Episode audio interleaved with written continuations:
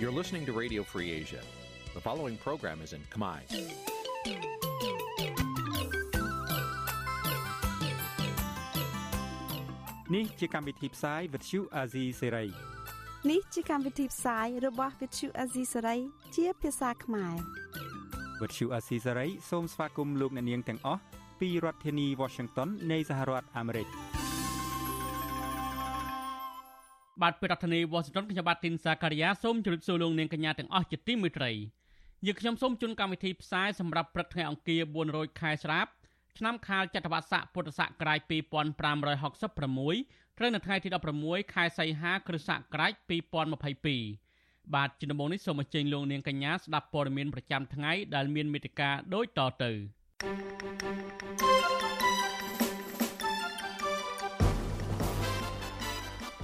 កម្ពុជានាំចេញជ័រកស៊ូរយៈពេល7ខែដើមឆ្នាំ2022ធ្លាក់ចុះជិត600តោនធៀបនឹងរយៈពេលដូចគ្នាកាលពីឆ្នាំ2021យុវជនខ្មែរថាវរៈធ្វើយុទ្ធនាការតាមបណ្ដាញសង្គមទាមទារឲ្យរដ្ឋមន្ត្រីក្រសួងកិច្ចការនារីឆ្លើយតបករណីអាញាធរប្រាហឹង្សាលើកោតក្រ Nagavel សហជីពថាអាញាធរមិនដោះស្រាយបញ្ហាចំនួននៅក្រុមហ៊ុន Naga ដោយសារតែរើសអើងសហជីព អាញាធរពុទ្ធនីគាបញ្ជូនសកម្មជនគណៈបកប្រឆាំងលោកកុងសំអានទៅព្យាបាលជំងឺធ្មេញនៅមន្ទីរពេទ្យរុស្ស៊ីតែមិនអោយសម្រាកនៅទីនោះឡើយរួមនឹងព័ត៌មានសំខាន់សំខាន់មួយចំនួនទៀតបាទលោកនាងទីមេត្រីជាបន្តទៅនេះខ្ញុំបាទធីនសាការីយ៉ាសូមជូនព័ត៌មានពុស្ដាកម្ពុជាបាននាំចេញជ័រកស៊ូទៅក្រៅប្រទេសរយៈពេល7ខែដើមឆ្នាំនេះបានធ្លាក់ចុះចំនួន558តោនស្មើនឹងជាង0.3% បើធៀបនឹងរយៈពេលដូចគ្នាកាលពីឆ្នាំ2021កន្លងទៅក្នុងរយៈពេល7ខែដើមឆ្នាំ2022នេះកម្ពុជាបាននាំចេញជ័រកស៊ូតែជាង160,000តោនមានតម្លៃជិត255ដុល្លារនឹងរកបានចំណូលពីការលក់ឈើកៅស៊ូជាង2លាន6សែនដុល្លារអគ្គនាយកនៃអគ្គនាយកដ្ឋានកៅស៊ូលោកហឹមអូនត្រូវបានកសែតភ្នំពេញប៉ុស្តិ៍ស្រង់ប្រសាសន៍កាលពីថ្ងៃទី15សីហាថាការធ្លាក់ចុះបរិមាណនៃការនាំចេញជ័រកៅស៊ូនេះ គឺដោយសារតែកត្តាសំខាន់សំខាន់មួយចំនួនក្នុងនោះមានដូចជាវិបត្តិសេដ្ឋកិច្ចសកលដែលបណ្ដាលឲ្យតម្រូវការជ័រកៅស៊ូធ្លាក់ចុះក្តីបារម្ភពីអតិផរណា ការដំឡើងអត្រាការប្រាក់របស់អាមេរិកក្នុងការរឹតបន្តឹងចរាចរណ៍សាច់ប្រាក់ស្ថានភាពនៃការងើបឡើងវិញនឹងការបន្តបិទគប់ផ្នែកខ្លះដោយសារជំងឺ Covid-19 នៅប្រទេសចិនជាដើមក្រៅពីនេះកត្តាសង្គ្រាមរវាងរុស្ស៊ីនិងអ៊ុយក្រែនផលប៉ះពាល់នៃភូមិសាស្ត្រនយោបាយរវាងចិននិងអាមេរិក ក៏បានរួមចំណែកឲ្យតម្រូវការកស៊ូធ្លាក់ចុះផងដែរទោះជាយ៉ាងណាអគ្គនាយកនៃអគ្គនាយកដ្ឋានកស៊ូរូបនេះសង្ឃឹមថាស្ថានភាពនៃការវិនិយោគនិងទីផ្សារជ័រកស៊ូកម្ពុជានឹងល្អប្រសើរឡើងវិញនៅពេលអនាគតកាលពីឆ្នាំ2021កន្លងទៅកម្ពុជាបាននាំចេញជ័រកស៊ូប្រមាណជា36ម៉ឺនតោនស្មើនឹងទឹកប្រាក់ជាង610លានដុល្លារ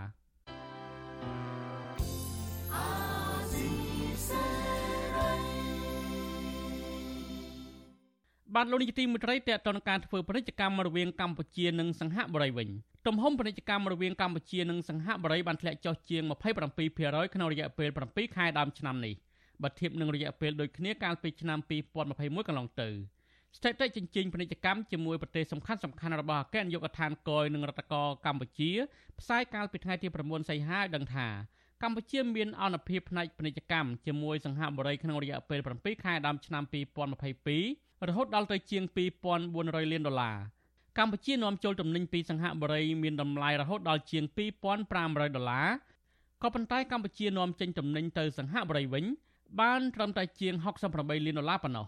ក្នុងរយៈពេលដដែលនេះការនាំចេញទំនិញរបស់កម្ពុជាទៅសង្ហបុរីបានធ្លាក់ចុះជាង30%ខណៈការនាំចូលទំនិញពីសង្ហបុរីមកវិញបានធ្លាក់ចុះប្រមាណជា27% កាលពីឆ្នាំ2021កន្លងទៅក្នុងរយៈពេល7ខែដំបូងទំហំពាណិជ្ជកម្មរវាងកម្ពុជានិងសង្ហបុរីមានជិត3600លានដុល្លារអាមេរិកសង្ហបុរីឈរនៅលំដាប់ទី5ក្នុងចំណោមប្រទេសដែលមានការធ្លាក់ចុះពាណិជ្ជកម្មធំជាងគេជាមួយកម្ពុជា បន្ទាប់ពីចិនសហរដ្ឋអាមេរិកវៀតណាមនិងថៃជាដើម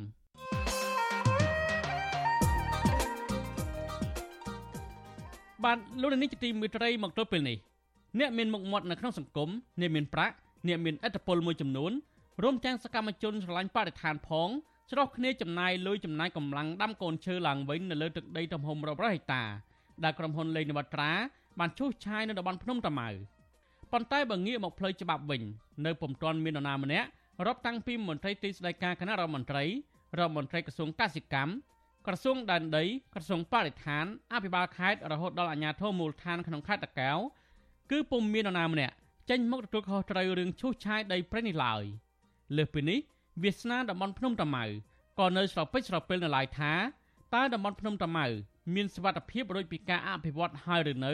មកទល់ពេលនេះបាទក្នុងវេទិកាអ្នកស្ដាប់អាស៊ីសេរីនៅយប់ថ្ងៃអង្គារនេះយើងនឹងមានកិច្ចពិភាក្សាដោយផ្ដោតលើថាតើរដ្ឋាភិបាល គួរបង្ហាញអ្វីខ្លះដើម្បីធានាថាតំបន់ភ្នំតាម៉ៅមានសវត្ថភាពពិតប្រាកដ ប្រសិនបើលោកនាងមានសំណួរចង់សួរមកកាន់វាគ្មិនរបស់យើងឬចង់បញ្ចេញជាមតិយោបល់សូមលោកនាងដាក់លេខទូរស័ព្ទនៅក្នុងខ្ទង់ comment នៃ Facebook និង YouTube របស់ Vithu Azizi ក្រុមការងាររបស់យើងនឹងហៅទៅលោកនាងវិញបាទសូមអរគុណ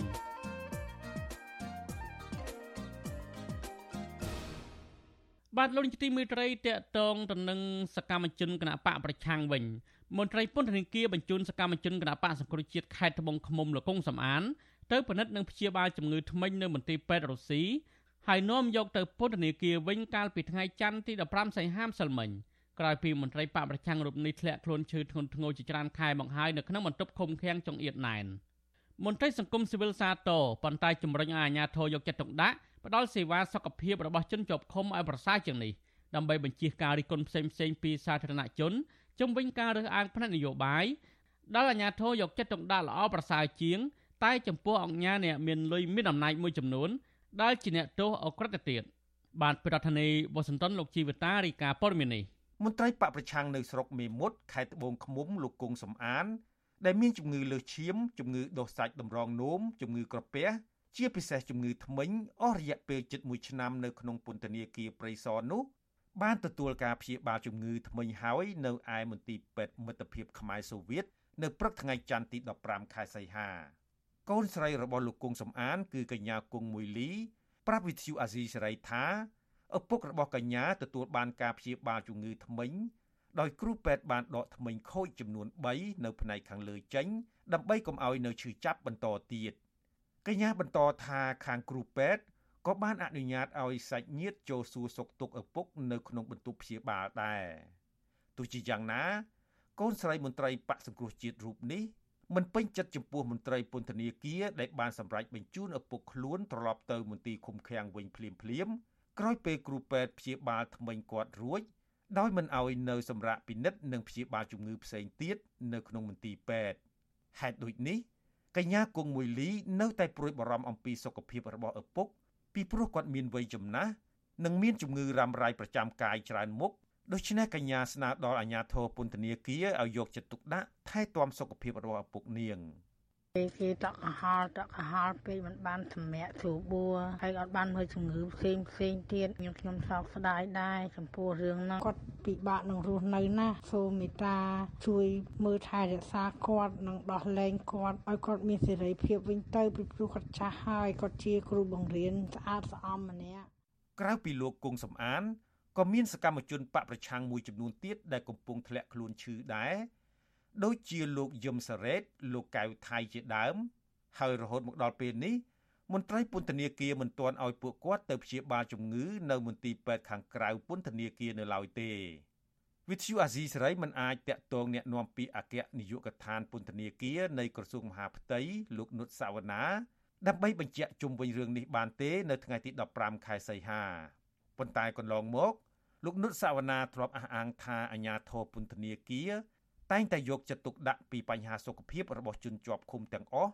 ដោយមិនបណ្ដោយឲ្យជនជាប់ឃុំណាម្នាក់ធ្លាក់ខ្លួនឈឺធ្ងន់ធ្ងរនោះទេទោះជាយ៉ាងណា សកម្មជនសង្គមប្រជាពលរដ្ឋនិងអង្គការផ្នែកសិទ្ធិមនុស្សមួយចំនួនធ្លាប់បានរិះគន់អាជ្ញាធរក្រុងភ្នំពេញជុំវិញការអនុវត្តស្តង់ដារ2ចំពោះអ្នកជាប់ឃុំដែលក្រីក្រ និងអ្នកមានលុយអ្នកមានអំណាចចំពោះអ្នកជាប់ឃុំក្រីក្រនិងអ្នកទោសមនសិការ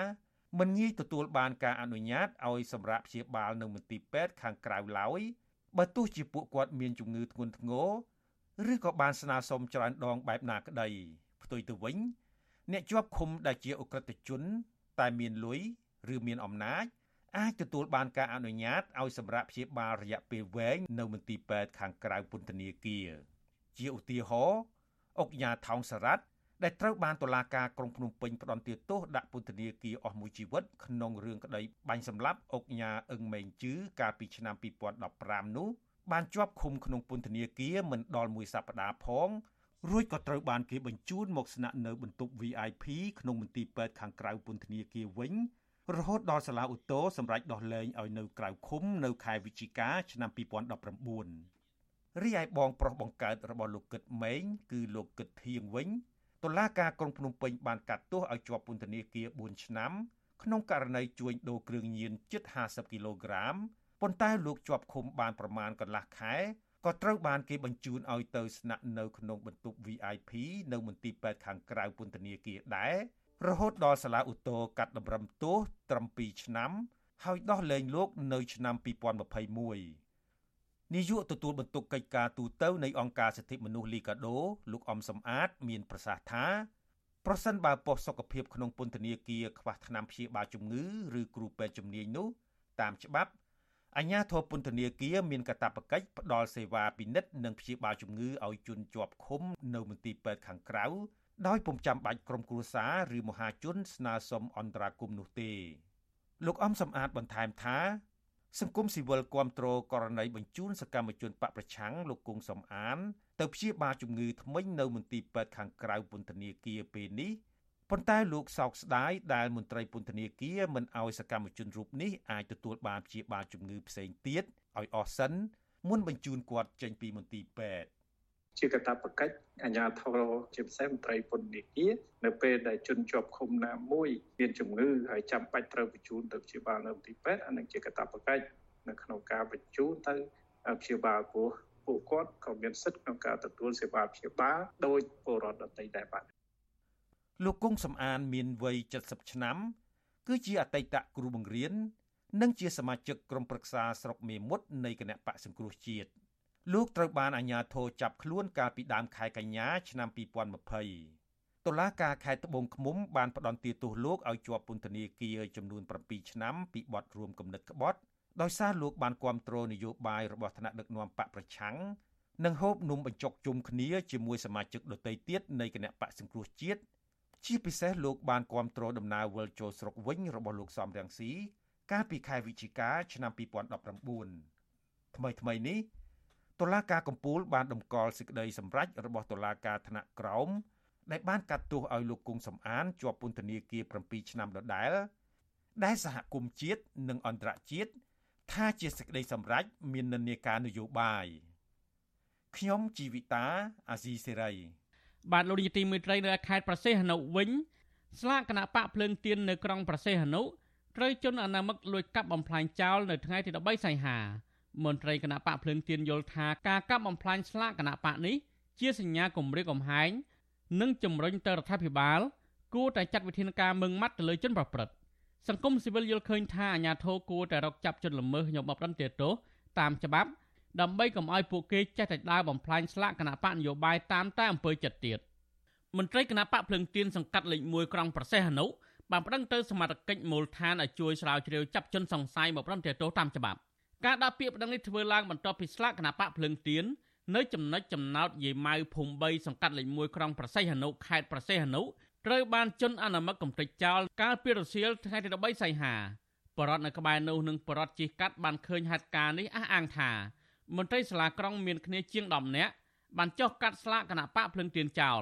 ប្រធានគណៈបកភ្លឹងទៀនសង្កាត់លេខ1លោកអុកចេតនីប្រាប់វិទ្យុអាស៊ីសេរីនៅថ្ងៃទី15សីហាថាស្លាកគណៈបកភ្លឹងទៀនត្រូវបានជន់អនាមិកមួយក្រុមមានពាក្យអាវសន្តានជាប្រជាការពារភូមិមានគ្នាប្រមាណជាង10នាក់កាត់ស្លាកគណៈបកភ្លឹងទៀនទម្លាក់នៅចំណុចចំណោតលោកយាយម៉ៅលោកបន្តថាទាំងមើលរបស់ជនប្រព្រឹត្តគឺមានចេតនាគំរាមកំហែងនិងគៀបសង្កត់ទៅលើគណៈបកនយោបាយដែលមាននិន្នាការផ្ទុយពីគណៈបកកណ្ដាលអំណាច លោកអុកចេតនេះបញ្ជាក់ថានេះជាករណីទី3ដែលមានជនអនាមិកបានបំផ្លាញស្លាកគណៈបកភ្លើងទៀននៅក្នុងសង្កាត់លេខ1 តាមជាបរដ្ឋគាត់ឲ្យព័ត៌មាននោះប្រហែលជាជាង10នាក់គាត់បានទៅលួចកាច់ផ្លាកនឹងហើយមិនដឹងថាគាត់យកទៅផ្លុងចោលនៅណាឬក៏កំទេចចោលនៅណាអញ្ចឹងណាគាត់ថាគាត់បានជិះកាត់នៅចំណុចហ្នឹងនៅម៉ោង11ហ្នឹងគឺគាត់ថាឃើញមានកម្លាំងជាការពីភូមិហ្នឹងបានកាត់ផ្លាកហ្នឹងតែគាត់ថាខ្ញុំមិនដឹងថាជាការពីភូមិមិនដឹងមកពីខាងណាព្រោះយកបាននៅចំណុចទីតាំងហ្នឹងអនុប្រធានគណៈបកភ្លើងទៀនគឺលោកថាច់សិដ្ឋាលើកឡើងថា លោកគ្មានសង្ឃឹមចំពោះអាញាធរពពាន់អំពីការស្វែងរកជនល្មើសឬអ្នកដែលកាត់ស្លាកគណៈបកភ្លើងទៀនចោលនេះឡើយ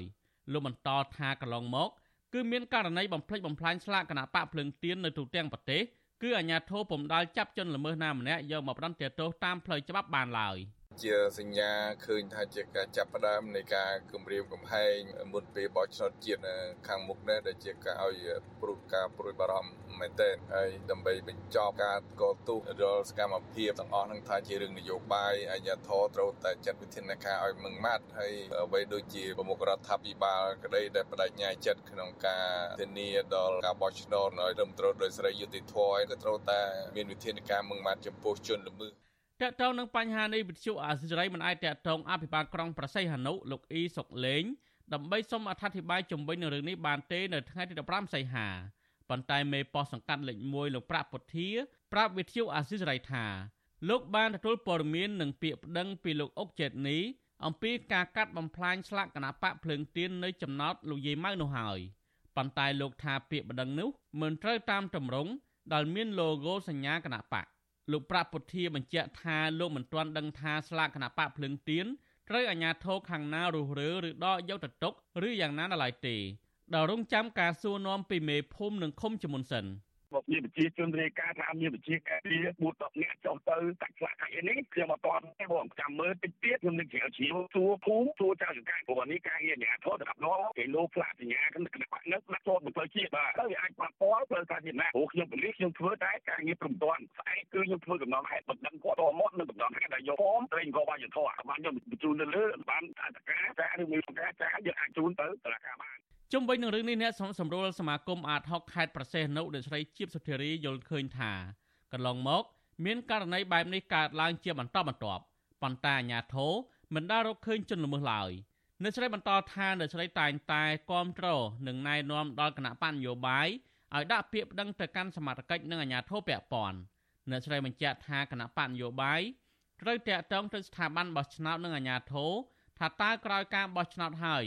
ត្រូវរុះរើស្លាកគណៈបកចេញឬយ៉ាងណា ខ្ញុំក៏បានជំរាបប្រាប់គាត់ដែរនៅពេលដែលគាត់ជូនព័ត៌មានមកខាងខ្ញុំខ្ញុំថាគាត់គួរតែដាក់បណ្ដឹងទៅសមត្ថកិច្ចសង្កាត់លេខ1ទៅប៉ុស្តិ៍រដ្ឋបាលសង្កាត់លេខ1ដើម្បីឲ្យគាត់ដឹងថាឥឡូវផ្លាកនៅកន្លែងនេះកន្លែងនេះវាត្រូវបានដួលលំហើយហើយតើអាការដាក់ផ្លាកនៅតាមទីសាធារណៈហ្នឹងវាមានបញ្ហាអីដែរអត់ព្រោះឥឡូវវាបោះឆ្នោតហើយឃើញទេគាត់ក៏ត្រូវតែជម្រាបជូនដំណឹងដែរបើសិនថាឥឡូវផ្លាកទាំងអស់ហ្នឹងវាផុតរយៈពេលនៃការឃោសនាហើយឥឡូវឲ្យគណៈបកហ្នឹងគាត់ទៅដោះដូរឬផ្លាកឬអីឃោសនាហ្នឹងចេញអាហ្នឹងគួរតែជូនដំណឹងគាត់ដែរដើម្បីឲ្យវាច្បាស់លាស់កុំឲ្យវាមានបញ្ហាមន្ទិលរៀងរៀងខ្លួន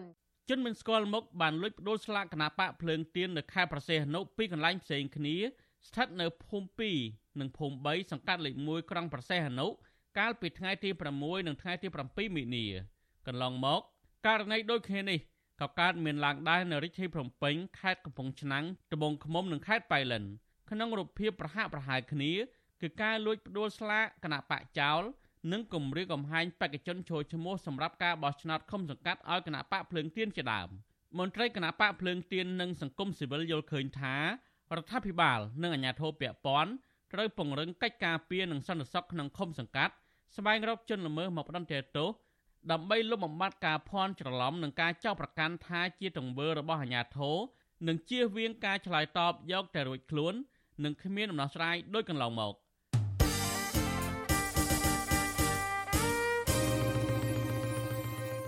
បាទលោកជាទីមេត្រីក្រុមតំណាងគណៈបកនយោបាយក្ររដ្ឋាភិបាលជួបជុំគ្នាបញ្ចប់ឯកសារឬសំណើរួមគ្នាទាមទារឲ្យមានការកែលម្អប្រព័ន្ធបោះឆ្នោតដើម្បីត្រៀមដាក់ទៅរដ្ឋសភាគណៈកម្មាធិការជាតិរៀបចំការបោះឆ្នោត និងក្រសួងមហាផ្ទៃគណៈបកប្រជាធិបតេយ្យមូលដ្ឋានបានបង្ហោះសារនៅលើបណ្ដាញសង្គម Facebook កាលពីព្រឹកថ្ងៃទី15សីហាថាតំណាងគណៈបកនយោបាយចំនួន4ដែលបានជួបប្រជុំបញ្ចប់សំណើរួមគ្នានោះរួមមាន គណៈបកភ្លឹងទៀនគណៈបកប្រជាធិបតេយ្យមូលដ្ឋានគណៈបកចន្ទៈខ្មែរនិងគណៈបកកែតម្រង់កម្ពុជាប្រពន្ធដដាលបានបញ្ជាក់ថាក្រៅពីរៀបចំឯកសារស្នើកែលម្អកោជបពួកគេក៏បានឯកភាពគ្នាលើចំហរួមតាក់ទងទៅនឹងករណីបណ្ដឹងទៅតុលាការដែលប្តឹងដោយកោជបដែរទោះជាយ៉ាងណាក៏ដោយសាររបស់គណៈបកប្រជាធិបតេយ្យមូលដ្ឋានមិនបានបញ្ជាក់លម្អិតអំពីខ្លឹមសារនៃសំណើរួមគ្នានោះនៅឡើយទេគ្រាន់តែបញ្ជាក់ថា ក្រុមគណៈបកនយោបាយនឹងដាក់សំណើទៅកាន់ស្ថាប័នទាំង3នៅសប្តាហ៍ក្រោយនេះគណៈបកនយោបាយក្រៅរដ្ឋាភិបាលដែលអះអាងថាជាគណៈបកកើតចេញពីក្រុមអ្នកឆ្លាញ់ប្រជាធិបតេយ្យបានជួបជុំគ្នាច្រើនលើកច្រើនសារមកហើយដើម្បីពិភាក្សាគ្នារកគោលជំហររួមដើម្បីដាក់សំណើរួមគ្នាទៅកាន់ស្ថាប័នពាក់ព័ន្ធនិងដើម្បីឲ្យមានការកែលម្អប្រព័ន្ធបោះឆ្នោតសម្រាប់ការបោះឆ្នោតជាតិឆ្នាំ2023ខាងមុខគណៈបកក្ររដ្ឋាភិបាលទាំងនោះ នៅតែចាត់ទុកការកែតម្រង់កិច្ចការបោះឆ្នោតនិងច្បាប់តាក់ទងនឹងការបោះឆ្នោតជារឿងអតិភិបដើម្បីឲ្យការបោះឆ្នោតឆ្នាំ2023ខាងមុខមានការប្រកួតប្រជែងមួយដែលស្មើភាពគ្នាតម្លាភាពនិងយុត្តិធម៌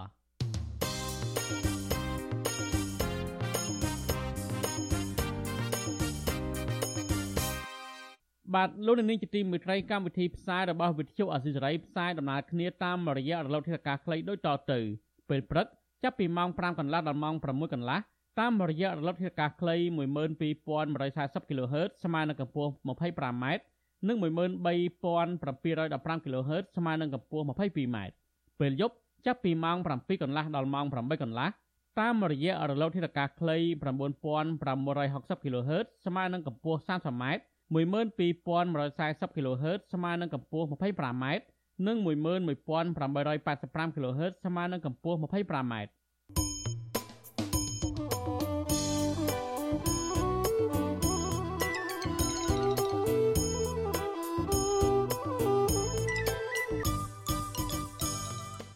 បានលោកនាយកទីមេត្រីតទៅនឹងការតវ៉ារបស់ក្រុមកតកល Nagawal វិញក្រុមយុវជនខ្មែរថាវរៈចាប់ផ្ដើមនាំគ្នាធ្វើយុទ្ធនាការតាមបណ្ដាញសង្គមទាមទារអរដ្ឋមន្ត្រីក្រសួងកិច្ចការនារីអ្នកស្រីអឹងកន្ថាភាវី ឆ្លើយតបករណីអាញាធរប្រាហឹង្សានិងបៀតបៀនកេរ្តិ៍ខ្មាស់ស្ត្រីកោតកល Nagawal ក្រុមយុវជនខ្មែរថាវរៈជាច្រើននាំគ្នាបង្ហោះសារនិងរូបភាពតាមបណ្ដាញសង្គម Facebook កាលពីយប់ថ្ងៃទី15សីហាម្សិលមិញក្នុងន័យទាមទារឲ្យរដ្ឋមន្ត្រីក្រសួងកិច្ចការនារីឆ្លើយតបនឹងញត្តិរបស់ក្រុមយុវជនដែលស្នើឲ្យរដ្ឋមន្ត្រីរូបនេះអន្តរាគមឬមានចំណាត់ការលើមន្ត្រីអាជ្ញាធរដែលបានប្រាហឹង្សានិងបៀតបៀនក្រុមស្ត្រីកោតក្រ ដែលតវ៉ាទាមទាររំដោះស្រាយបញ្ចប់វិវាទការងារយុវជនខ្មែរថាវរៈម្នាក់លោកស្វាយសំណាងប្រាប់វិទ្យុអាស៊ីសេរីកាលពីថ្ងៃទី15សីហាថាក្រុមយុវជនរបស់លោកបានដាក់ញត្តិសុំអន្តរាគមន៍តាំងពីថ្ងៃទី4ខែមេសាប៉ុន្តែមិនទាន់បានការឆ្លើយតបណាមួយនៅឡើយទេអស់រយៈពេលជាង4ខែមកនេះលោកថាយុទ្ធនាការតាមបណ្ដាញសង្គមនេះនឹងធ្វើឲ្យអ្នកស្រីរដ្ឋមន្ត្រីឆ្លើយតបញត្តិឲ្យបានឆាប់លោកថាក្រសួងកិច្ចការនារី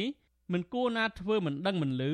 ករណីអំពើហិង្សាបង្កឡើងដោយអាជ្ញាធររដ្ឋនៅទីសាធារណៈបែបនេះឡើយអញ្ចឹងខ្ញុំចង់ដឹងថាក្រសួងមួយដែលជាក្រសួងមើលថែប្រជាពលរដ្ឋហើយពេលដែលប្រជាពលរដ្ឋមានទុក្ខលំបាកប្រជាពលរដ្ឋកំពុងតែជួបប្រទះរឿងដែលគេកំពុងតែរំលោភបំពានយើងស្នើសុំឲ្យខាងក្រសួងហ្នឹងអន្តរាគមតែក្រសួងហាក់បីដូចជាបង្ងើយកន្តើយចំពោះរឿងហ្នឹងអញ្ចឹងយើងចង់ដាក់សំណួរថាតើបង្កើត ក្រសួងហ្នឹងក្នុងការបំណងអ្វីបើមិនសិនជាពេលនេះគេកំពុងតែរំលោភបំពានមកលើក្រមស្ត្រីហើយបែរជាគាត់បង្ងើយកន្តើយមិនបានយកចិត្តទុកដាក់ក្រមយុវជនផ្ញើសារតាមបណ្ដាញសង្គមបន្ថែមថាពួកគេនឹងសុំចូលជួបអ្នកស្រីអង្គកន្ថាភាវីរដ្ឋមន្ត្រីក្រសួងកិច្ចការនារីដោយផ្ទាល់នៅថ្ងៃខាងមុខប្រសិនបើអ្នកស្រីនៅតែមិនឆ្លើយតបញត្តិរបស់ក្រមយុវជនវិទ្យុអាស៊ីសេរីមិនអាចសុំការឆ្លើយតបពីរឿងនេះ ពីរដ្ឋមន្ត្រីក្រសួងកិច្ចការនារីអ្នកស្រីអង្គកន្ថាភាវីបានឡើយទេ កាលពីយប់ថ្ងៃទី15សីហាក្រមយុវជនខ្មែរថាវរៈចំនួន6នាក់បានយកញត្តិទៅដាក់នៅក្រសួងកិច្ចការនារីនិងក្រសួងមហាផ្ទៃកាលពីថ្ងៃទី4មេសាដោយស្នើឲ្យចាត់វិធានការឲ្យមានប្រសិទ្ធភាពលើមន្ត្រីដែលអនុវត្តផ្ទុយពីទូនាទីនិងគ្មានវិជ្ជាជីវៈពួកគេចង់ឃើញក្រសួងកិច្ចការនារីរួមទាំងរដ្ឋមន្ត្រីក្រសួងមហាផ្ទៃលោកសខេងស្វែងរកអត្តសញ្ញាណអាញាធរណាដែលបានប្រើអំពើហិង្សា និងបៀតបៀនកេរ្តិ៍ខ្មាស់លើកោតក្រក្រុមហ៊ុន Nagavel ដែលជាស្ត្រីព្រមទាំងទាមទារឲ្យបញ្ឈប់តួនាទីមន្ត្រីទាំងនោះនិងកសាងសំណុំរឿងបញ្ជូនទៅកាន់តុលាការដើម្បីផ្តន្ទាទោសតាមច្បាប់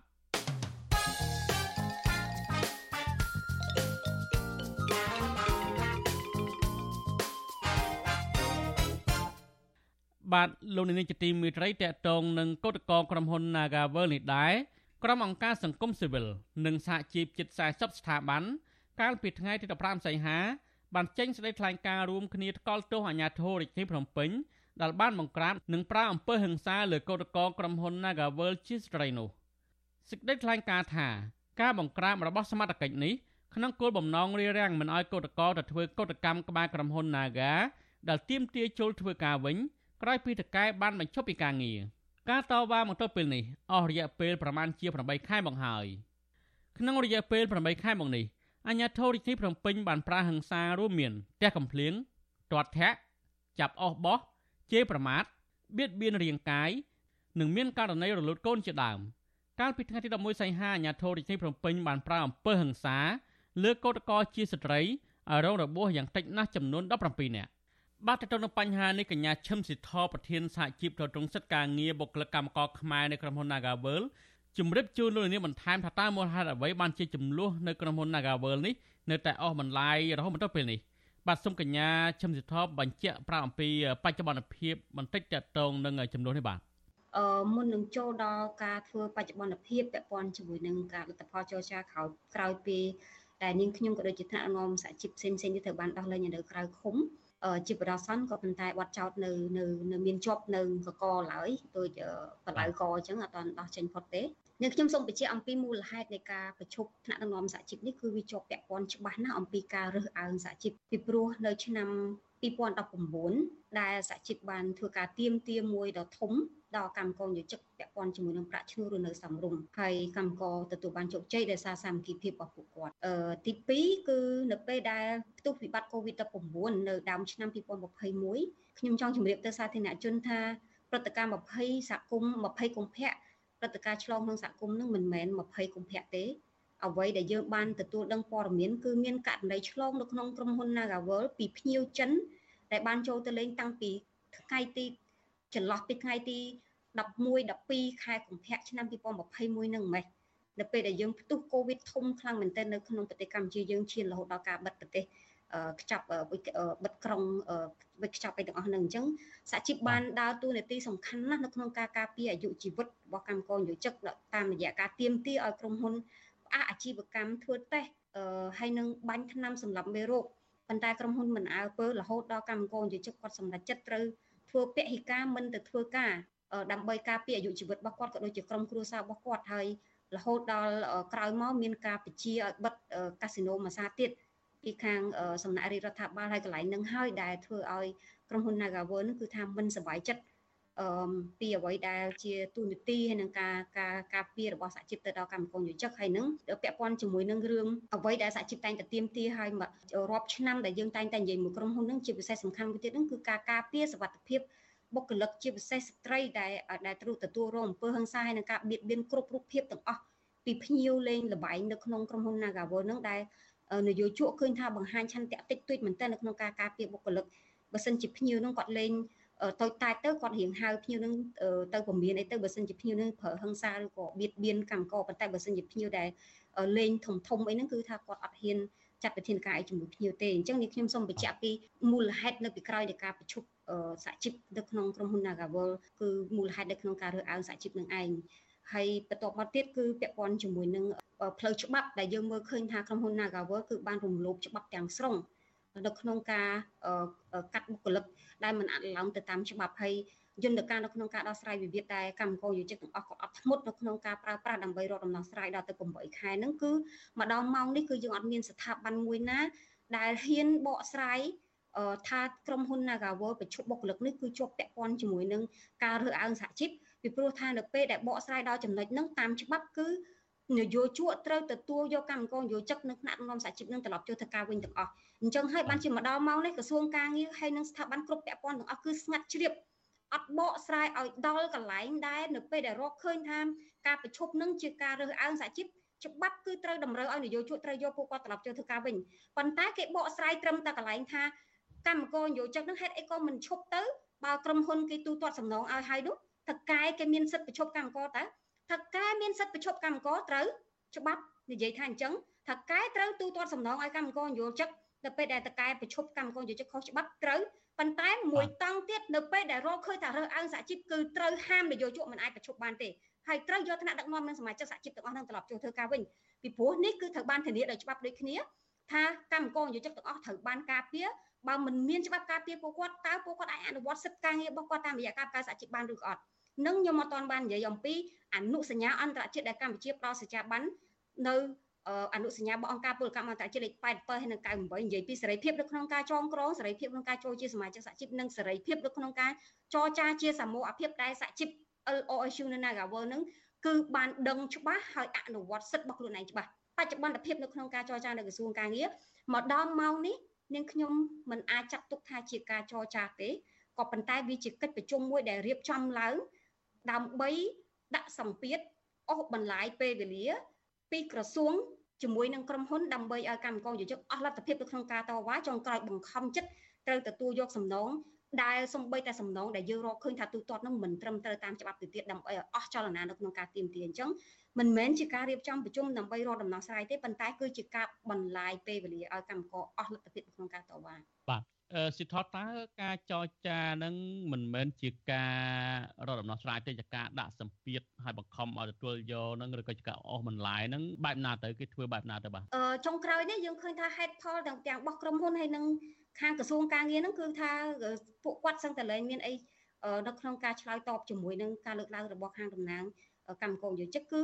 ជំរឿសនៅក្នុងការដោះដូរដែលយើងផ្ដល់ជំរឿសនៅក្នុងការសម្បទានមួយ ជំរឿសបែបសម្រោះសម្រួលមួយដែលឈ្នះទាំងសងខាងគឺអ្នកដែលនៅសល់បច្ចុប្បន្នដែលជាង100អ្នកនេះដែលគាត់ទៀមទាត្រឡប់ចូលធ្វើការវិញរួមទាំងនាងខ្ញុំក៏ដូចជាថ្នាក់ដឹកនាំសហជីពនិងសមាជិកសហជីពសំខាន់សំខាន់ផ្សេងទៀតនឹងគាត់មានយើងមានសមាជិករបស់យើងផ្សេងទៀតរហូតដល់ទៅជាង300នាក់ដែលពួកគាត់ស្ម័គ្រចិត្តហើយនឹងសប្បាយចិត្តហើយដោយសារគាត់មានផែនការគាត់មានជំងឺផ្ទាល់ខ្លួនរបស់គាត់គាត់ចង់ឈប់ធ្វើការប៉ុន្តែគាត់ចង់បានលុយខ្លះដែលក្រុមហ៊ុនទូទាត់ឲ្យគាត់ហ្នឹង ដើម្បីគាត់ឈប់ធ្វើការពីកន្លែងហ្នឹងជាជាងដែលគាត់ធ្វើឈឺទៅគាត់ធ្វើការលេងកើតគាត់ត្រូវដើរចេញដោយមិនបានសំណងអីសោះហ្នឹងគឺគាត់ស្ម័គ្រចិត្តមកធ្វើការដោះដូរអញ្ចឹងអ្នកដែលទៀមទីត្រឡប់ចូលធ្វើការវិញហ្នឹងឥឡូវហ្នឹងមិនដល់150អ្នកផងបើយើងឃើញក្រសួងចេញសេចក្តីប្រកាសរាល់ថ្ងៃណាគឺថាគាត់អាប់ដេតគាត់ធ្វើបច្ចុប្បន្នភាពទៀងទាត់ណាថាចំនួនអ្នកតវ៉ាគឺតិចទៅតិចទៅប៉ុន្តែយើងឃើញថាអ្នកដែលស្ម័គ្រចិត្តនៅក្នុងការ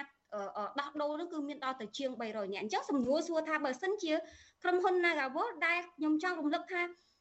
ពីដំបូងទីក្រុមហ៊ុន Nagawal យកលេស COVID-19 ដើម្បីកាត់បុគ្គលិក1329នាក់ឥឡូវយើងថាអូខេបើសិនជាក្រុមហ៊ុនរងគ្រោះសារ COVID ត្រូវការកាត់បុគ្គលិក329នាក់ក្រុមហ៊ុនកាត់ចោះប៉ុន្តែឥឡូវសុំដោះដូរសុំដោះដូររវាងអ្នកដែលគេស្ម័គ្រចិត្តលើសចំនួនត្រូវការអ្នកដែល ទៀមទាត្រឡប់ចូលធ្វើការវិញប៉ុន្តែនៅតែបដិសេធមិនព្រមទទួលយកសំណើបាយសម្រុះសម្រួលរបស់យើងទៅទៀតអញ្ចឹងកន្លែងហ្នឹងហើយខ្ញុំចង់និយាយថា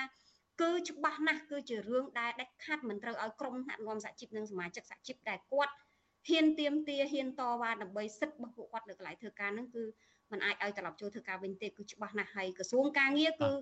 មានទូនាទីសំខាន់មែនទែននៅក្នុងការការពារធ្វើម៉េចឲ្យអ្វីដែល Nagawal ចង់បាននឹងត្រូវតែសម្រេចគោលដៅឲ្យបាន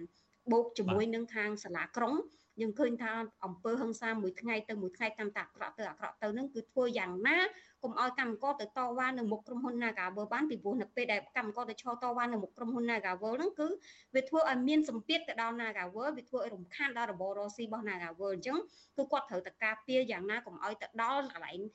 កន្លែងរស៊ីរបស់ Nagawal ហ្នឹងអគុណសិទ្ធដែលបានរៀបរាប់យ៉ាងក្បោះក្បាយប៉ុន្តែខ្ញុំមានចម្ងល់ថាហេតុអីបានជា សិទ្ធបានលើកឡើងឲ្យថាខាងថាកែហ្នឹងរើសអើងសហជីពប៉ុន្តែហេតុអីបានជាខាងក្រសួងការងាររួមទាំងសាលាក្រុងផងហ្នឹងហាក់បីដូចជាឈរនៅខាងតកែថាមានរឿងអ្វីនៅពីក្រោយរឿងហ្នឹងអឺមែនតើទៅយើងមិនដឹងថាតើតំណាក់តំណងនឹងយ៉ាងម៉េចទេប៉ុន្តែវាជារឿងមួយដែលយើងទាំងអស់គ្នាអឺមានការសោកស្ដាយមែនទែនដែលយើងឃើញថាអាជ្ញាធរក្រសួងការងារត្រូវតែជាអ្នកដែលមានទូនីតិនៅក្នុងការ ជំរុញឲ្យមានដំណោះស្រាយបានតែជាអញ្ញាកដាជាអ្នកដែលត្រូវមានទូនីតិនៅកដាប៉ុន្តែមិនកដាលទេគឺថាទៅឈរមកជំហៀងទៀតកាន់ជើងនយោជកពាំងពីមុខនយោជកទាំងទាំងមិនគ្មានទាំងគ្មានសក្តីអៀនខ្មាស់តែម្ដងហើយត្រឡប់មកវិញគឺបែរទៅជាធ្វើការចោទប្រកាន់ម្ដងហើយម្ដងទៀតទៅលើតំណាងសហជីពដូចជាលោកស្រីយ៉ាងសុភ័ណ្ឌដូចជាលោកពូវ៉ាន់ពៅដែលពួកគាត់ជាសហជីពដូចគ្នា គាត់ដឹងពីសិទ្ធិសហជីពគាត់ជាតំណាងរបស់កម្មករអញ្ចឹងគាត់ធ្វើការបង្ហាញការគ្រប់គ្រងកម្មករគាត់ឃ្លាំមើលគាត់ការពារកម្មករអានឹងជារឿងដែលដែលពួកគាត់ត្រូវធ្វើឲ្យមានចែងនៅក្នុងច្បាប់ទៀតប៉ុន្តែត្រូវបានចោទប្រកាន់ត្រូវបានលៀបពណ៌ដោយក្រសួងដោយអាជ្ញាធរម្ដងជាពីរដងប៉ុន្តែដល់ពេលយើងកលេចទៅមើលក្រសួងកលេចទៅមើលសាលាក្រុងអីនោះគឺថាទៅឈរពាំងពីមុខដូចមានភាកហ៊ុនរស់ស៊ីជាមួយនឹងក្រុមហ៊ុន Nagaworld អញ្ចឹងខ្ញុំ ខ្ញុំអត់ច្បាស់ទេព្រោះធម្មតាតាគេរកតាតាតាការពារគ្នាបានន័យថាបានន័យថាតតវាវាគួរតែអ្នកដែលរស់ស៊ីអីជាមួយគ្នាបានវាត្រូវការពារគ្នាប៉ុន្តែដល់ពេលគាត់ទៅការពារគ្នាដល់ថ្នាក់នឹងពេកយកអត់យល់ដែរថា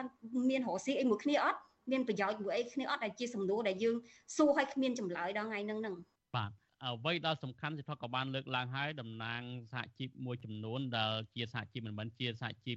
របស់ Nagawal ដែលឃ្លាំមើលការធ្វើកោតកម្មកន្លងមកនេះដូចជាអ្នកស្រីយ៉ាងសុភ័ណ្ឌលោកបនពើជាដើមក៏មានលិខិតពមៀនពីខាងសាលាក្រុងទៀតហើយចោតអ្នកទាំងពីរថានៅពីក្រោយការធ្វើកោតកម្មអីចឹងជាដើមហើយសិទ្ធិខ្លួនឯងក៏កំពុងតែជាប់បណ្ដឹងនៅតុលាការនៅឡើយតើក្នុងករណីនេះទីថោដែលជាតំណាងសហជីពផងនឹងតើកតកដែលធ្វើកតកម្មកន្លងមកនេះនៅតែខ្សត់ស្បៀងខ្សត់លុយតើការដែលតវ៉ាទៅមុខទៀតនឹងនឹងធ្វើបែបណា ចាំអឺមែនតែនទៅគឺកម្មករយោជិកដែលកំពុងតែតវ៉ារាល់ថ្ងៃនេះគឺគាត់លះបង់ខ្ពស់មែនតែនហ្មងគឺគាត់គាត់សុខចិត្តអត់ប្រាក់ខែគាត់សុខចិត្តទទួលបានថវិកាតិចតួចតែបានពីការដែលយើងបានប្រកាសរៃអង្គាសពីសាធារណជនក៏ដូចជាបងប្អូនកម្មករនៅក្នុងវិស័យផ្សេងផ្សេងនៅតាមរោងចក្រនៅកន្លែងផ្សេងផ្សេងដែលពួកគាត់អង្គាសគ្នាគាត់រៃអង្គាសគ្នាម្នាក់1ដុល្លារ2ដុល្លារដើម្បីជួយឧបត្ថម្ភតិចតួចទៅដល់កម្មករដែលគាត់កំពុងតែ តវ៉ានឹងប៉ុន្តែពួកគាត់មានការបដិញ្ញាតាំងចិត្តខ្ពស់ណាបើទោះបីជាគាត់អត់ប្រាក់ខែបើទោះបីជាពួកគាត់ត្រូវទទួលរងអំពើហិង្សាក៏ដោយក៏ពួកគាត់បដិញ្ញាចិត្តនៅក្នុងការទៀមទាយុត្តិធម៌ទៀមទាសិទ្ធិការងារមួយនឹងត្រឡប់ឲ្យបានពីព្រោះគាត់គាត់មើលឃើញថាអ្វីដែលពួកគាត់ធ្វើនេះគឺ មែនតើទៅមិនមែនតែសម្រាប់ខ្លួនគាត់ទេវាវាសម្រាប់ខ្លួនគាត់ហើយក៏ប៉ុន្តែគឺដើម្បីមនុស្សចំនួនក្រោយក៏ដូចជាសិទ្ធិរបស់កម្មករនៅកន្លែងផ្សេងផ្សេងទៀតពីព្រោះថារឿងរបស់ក្រុមហ៊ុន Nagavel នេះនឹងคล้ายទៅជាគំរូអាក្រក់មួយដែលនយោជកនៅកន្លែងផ្សេងផ្សេងនឹងប្រើមធ្យោបាយហ្នឹងនៅក្នុងការកំទេចនិងរំលាយសហជីព ធ្វើឲ្យកម្មករយោជិកមិនអាចមានតំណាងមិនអាចមានសម្លេងនៅកន្លែងធ្វើការបានទេហើយនៅពេលដែលរូបភាពនៅពេលដែលនៅពេលដែលរឿងនឹងកើតឡើងនៅកន្លែងផ្សេងផ្សេងទៀតនាងខ្ញុំហ៊ាននិយាយថាកម្មករនៅប្រទេសកម្ពុជារបស់យើងនឹងធ្វើការដូចជាទេសកលនៅក្នុងសម័យថ្មីអញ្ចឹងបាទហេតុអីបានជាខាងថកែនឹងរើសអើងមេដឹកនាំសហជីពតើមេដឹកនាំសហជីពដូចជាសិទ្ធិជាដើមតើខុសប្លែកពីគេយ៉ាងម៉េចទៅបាទ ខ្ញុំខ្ញុំខ្ញុំចង់បញ្ជាក់ថាយើងមិនបានធ្វើអ្វីដែលខុសប្លែកពីគេទេប៉ុន្តែគ្រាន់តែថាយើងបានធ្វើអ្វីដែលជាទួនាទីពិតប្រាកដរបស់សហជីពគឺការហ៊ានប្រើប្រាស់សិទ្ធិនៅក្នុងការចរចាជាសមូហភាពដែលមានចែងនៅក្នុងច្បាប់និងអនុសញ្ញាអន្តរជាតិការហ៊ានប្រើប្រាស់សិទ្ធិនៅក្នុងការធ្វើកោតកម្មដោយសន្តិវិធីដែលមានចែងនៅក្នុងច្បាប់និងអនុសញ្ញារបស់អន្តរជាតិនៅពេលដែលយើងបានប្រើប្រាស់អស់យន្តការនៅក្នុងការដោះស្រាយវិវាទអស់លទ្ធភាពហើយប៉ុន្តែយើងនៅមិនអាចទទួលបានដំណោះស្រាយនឹង ហើយមែនតើទៅគឺយើងមានការសោកស្ដាយណាទាំងក្រសួងក៏ដូចតាំងទាំងរាជរដ្ឋាភិបាលទាំងក្រសួងទាំងក្រុមហ៊ុនដែលមើលមកឃើញថាសហជីពគឺជាតួអង្គអវិជ្ជមានមែនតើទៅមកដល់ម៉ោងនេះគឺពួកយើងទាំងអស់គ្នាតែងតែចោទជាសំណួរសួរខ្លួនឯងថាតើហេតុអីបានជារាជរដ្ឋាភិបាលជាពិសេសក្រសួងការងារមិនដោះស្រាយបញ្ហានឹងទាំងអស់នោះឲ្យពួកយើងយើងមិនបានយើងមិនបានធ្វើអ្វីដែលផ្ទុយពីច្បាប់ហើយក៏មិនបានធ្វើឲ្យប៉ះពាល់ដល់អំណាចឬក៏អ្វីរបស់អ្នកណាដែរមែនតើទៅយើងគិតថាយើងកំពុងតែជួយចូលរួមនៅក្នុង គោលនយោបាយរបស់រាជរដ្ឋាភិបាលជាពិសេសការគោលនយោបាយលុបបំបាត់ភាពក្រីក្រដើម្បីលុបបំបាត់ភាពក្រីក្រកម្មករយុជិកត្រូវមានប្រាក់ខែរស់នៅសមរម្យនៅពេលដែលគាត់មានប្រាក់ខែរស់នៅសមរម្យទើបគាត់អាចចង់និយាយថាគាត់អាចមានចំណាយច្រើនគាត់មានលុយចាយច្រើនវាធ្វើឲ្យសេដ្ឋកិច្ចរបស់យើងនឹងដើរល្អជាងនឹងទៅទៀតយើងអត់មានឃើញថាទង្វើការការអនុវត្តសិទ្ធិរបស់យើងនៅកន្លែងណាដែលផ្ទុយពីគោលនយោបាយឬក៏ប្រឆាំងជាមួយរដ្ឋាភិបាលកន្លែងណាទេ ហើយការការពារកម្មករនិយោជិកជាពិសេសស្ត្រីដែលត្រូវទទួលរងអំពើហិង្សានិងការបៀតបៀនគ្រប់រូបភាពនៅកន្លែងធ្វើការហ្នឹងគឺមាននៅក្នុងគោលនយោបាយរបស់រាជរដ្ឋាភិបាលដែរសិតតែលោកផ្លាកថាយើងមិនទុកស្ត្រីណាម្នាក់នៅពីឲ្យចោលទេប៉ុន្តែយើងឃើញថាអំពើហិង្សានៅកន្លែងធ្វើការនៅក្នុង Naga មានគ្រប់រូបភាពហើយมันមានវិធានការទេมันមានអ្នកណាគេដោះស្រាយទេហើយដល់ពេលដែលគាត់ចេញតវ៉ាហ្នឹងឥឡូវហ្នឹងគឺហឹង្សាកើតទៅលើពួកគាត់ដល់ពេលដែលគាត់ចេញតវ៉ាទៀតអញ្ចឹង ជាសំណួរមួយដែលយើងតែងតែសួរឲ្យគ្មានចម្លើយថាតើយើងបានធ្វើអីខុសយើងបានធ្វើអីដែលប្រឆាំងជាមួយរដ្ឋាភិបាលយើងបានធ្វើអីដែលធ្វើឲ្យប៉ះពាល់ឲ្យអំណាចរបស់រដ្ឋាភិបាលប៉ុន្តែយើងបានយើងឃើញត្រឹមតែអ្វីដែលយើងធ្វើបើសិនជាយើងធ្វើបានគឺយើងបានចូលរួមចំណែកនៅក្នុងការអនុវត្តគោលនយោបាយរបស់រដ្ឋាភិបាលដោយចង់និយាយថា free ដោយ free មិនចាំមិនមានតំណាងរាស្ត្រឬក៏មន្ត្រីដែលមានទទួលមានទួនាទីទទួលបន្ទុកការងារនឹងមកធ្វើជំនួសយើងទៅយើងធ្វើខ្លួនឯងទៀត ប៉ុន្តែយើងមិនទទួលបានការគ្រប់គ្រងទេសិទ្ធិមានអ្វីបន្ថែមហើយបើសិនជាឃើញថាការបង្ក្រាបកាន់តែខ្លាំងបែបនេះតើខាងកម្មករបុគ្គលិក Nagavel នៅតែបន្តទៀមទាទៀតឬក៏យ៉ាងណាបាទសំចេញចាជាការតាំងចិត្តរបស់ពួកគាត់មែនទែនទៅតាំងពីថ្ងៃដែលគាត់បានទៅបោះឆ្នោតពីព្រោះអ្វីដែលយើងធ្វើធ្វើកោតកម្មទាំងអស់នេះគឺយើងត្រូវតែឆ្លងកាត់អតិថិដែលមានចែងនៅក្នុងច្បាប់តាមរយៈការបោះឆ្នោតជាសម្ងាត់ទៅក្នុងការផ្ដល់សេចក្តីសម្រេចថាពួកគាត់ត្រូវមក ចូលរួមបោះឆ្នោតឬក៏យ៉ាងណាអញ្ចឹងពួកគាត់បានសម្រេចចិត្តរួចហើយយើងមានការប្រជុំច្រើនដងរួចហើយថាយើងនឹងធ្វើការតវ៉ារហូតតតែមានដំណោះស្រាយអញ្ចឹងគឺពួកគាត់នឹងមិនឈប់មិនមិនឈប់ទេទោះបីជានាងខ្ញុំផ្ទាល់នៅថ្នាក់ដឹកនាំផ្សេងផ្សេងទៀតត្រូវជាប់ពន្ធនាគារត្រូវចោទប្រកាន់ឬក៏ត្រូវរងអំពើហិង្សាអីទាំងអស់ហ្នឹងពីព្រោះថានៅពេលដែលយើងធ្វើរឿងដែលនៅពេលរឿងដែលខុសច្បាប់រឿងដែលមិនត្រឹមត្រូវរឿងដែលខុសសិលធម៌សង្គមរឿងដែល ធ្វើឲ្យក្តៅក្រហាយឬក៏ប៉ះពាល់ដល់អ្នកដទៃយើងមិនធ្វើយើងមិនអាចធ្វើបានទេវាជារឿងដែលត្រឹមត្រូវប៉ុន្តែនៅពេលដែលរឿងដែលត្រឹមត្រូវហើយនៅពេលរឿងដែលស្របច្បាប់ហើយយើងបានធ្វើទៅតាមច្បាប់ហើយយើងត្រូវតែធ្វើយើងត្រូវតែធ្វើបើសិនជាយើងមិនធ្វើគឺយើងមិនអាចទៀមទាយុត្តិធម៌ឬក៏យើងមិនអាចបញ្ជាក់បានថាអ្វីដែលយើងធ្វើនឹងគឺត្រឹមត្រូវតាមច្បាប់ទេ ក៏ប៉ុន្តែការតាំងចិត្តទាំងអស់នេះគឺត្រូវការការគ្រប់គ្រងពីសាធារណជនទាំងអស់និងក៏ដូចជាកម្មករយោជិកទាំងអស់នៅកន្លែងផ្សេងតាមរយៈការចូលរួមនៅក្នុងការជួយឧបត្ថម្ភហើយសូមបងប្អូនទាំងអស់សាធារណជនទាំងអស់សូមកុំខ្លាចនៅក្នុងការគម្រាមកំហែងផ្សេងផ្សេងអ្វីដែលបងប្អូនកម្មករយោជិកនៅ Nagavel ធ្វើគឺបានត្រឹមត្រូវមានចែងនៅក្នុងច្បាប់ទាំងអស់ សូមកុំខ្លាចការលៀបពណ៌ថាការជួយឧបត្ថម្ភពួកគាត់ជាប់ពាក់ព័ន្ធជាមួយនឹងបដិវត្តពណ៌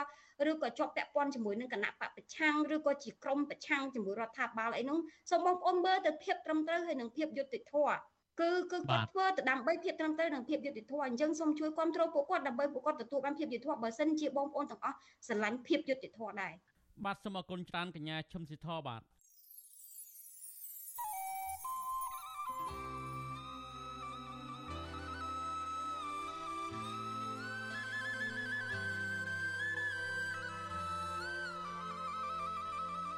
បាទលោកនាយកទីមេត្រីក្នុងឱកាសនេះដែរខ្ញុំបាទសូមថ្លែងអំណរគុណដល់លោកនាងកញ្ញាទាំងអស់ដែលតែងតែមានភក្ដីភាពចំពោះការផ្សាយរបស់យើងហើយចាត់ទុកការស្ដាប់វិទ្យុអាស៊ីរីជាផ្នែកមួយនៃសកម្មភាពប្រចាំថ្ងៃរបស់លោកនាងការគាំទ្ររបស់លោកនាងនេះហើយដែលធ្វើឲ្យយើងខ្ញុំមានទឹកចិត្តកាន់តែខ្លាំងថែមទៀតក្នុងការស្វែងរកនិងផ្តល់ព័ត៌មានជូនលោកនាងមានអ្នកស្ដាប់មានអ្នកទស្សនាកាន់តែច្រើនកាន់តែធ្វើឲ្យយើងខ្ញុំមានភាពស្វាហាប់មោះមុតជាបន្តទៅទៀតយើងខ្ញុំសូមអរគុណទុកជាមុន ហើយសូមអញ្ជើញលោកនាងកញ្ញាចូលរួមជំរុញឲ្យសកម្មភាពផ្តល់ព័ត៌មានរបស់យើងនេះកាន់តែជោគជ័យបន្ថែមទៀតលោកនាងអាចជួយយើងខ្ញុំបានដោយគ្រាន់តែចុចចែករំលែកឬ share ការផ្សាយរបស់យើងនៅលើបណ្ដាញសង្គម Facebook និង YouTube ទៅកាន់មិត្តភ័ក្តិដើម្បីឲ្យការផ្សាយរបស់យើងបានទៅដល់មនុស្សកាន់តែច្រើនសូមអរគុណបានលោកទីមីត្រីតតងនឹងសាលាក្តីខ្មែរក្រហមវិញសាលាក្តីខ្មែរក្រហមបានតែងតាំងសហមេធាវីនាំមុខអន្តរជាតិថ្មី គឺអ្នកស្រី Falgoni Debnat ជនជាតិកាណាដាឲ្យធ្វើជាតំណាងដើមបណ្ដឹងរដ្ឋបវេណីក្នុងសំណុំរឿង002វគ្គ2ប្រឆាំងនឹងអតីតប្រមុខរដ្ឋនៃរបបកម្ពុជាប្រជាធិបតេយ្យគឺលោកខៀវសំផនអ្នកស្រី Falgoni Debnat នឹងចូលបំពេញការងារនៅសាលាក្តីខ្មែរក្រហមចាប់ពីថ្ងៃទី29សីហាតទៅជំនួសឲ្យសហមេធាវីនាំមុខអន្តរជាតិចាស់ដែលបានលាឈប់ពីមុខតំណែងសេចក្តីប្រកាសព័ត៌មានរបស់សាលាក្តីខ្មែរក្រហមផ្សាយនៅថ្ងៃទី25សីហាដឹងថា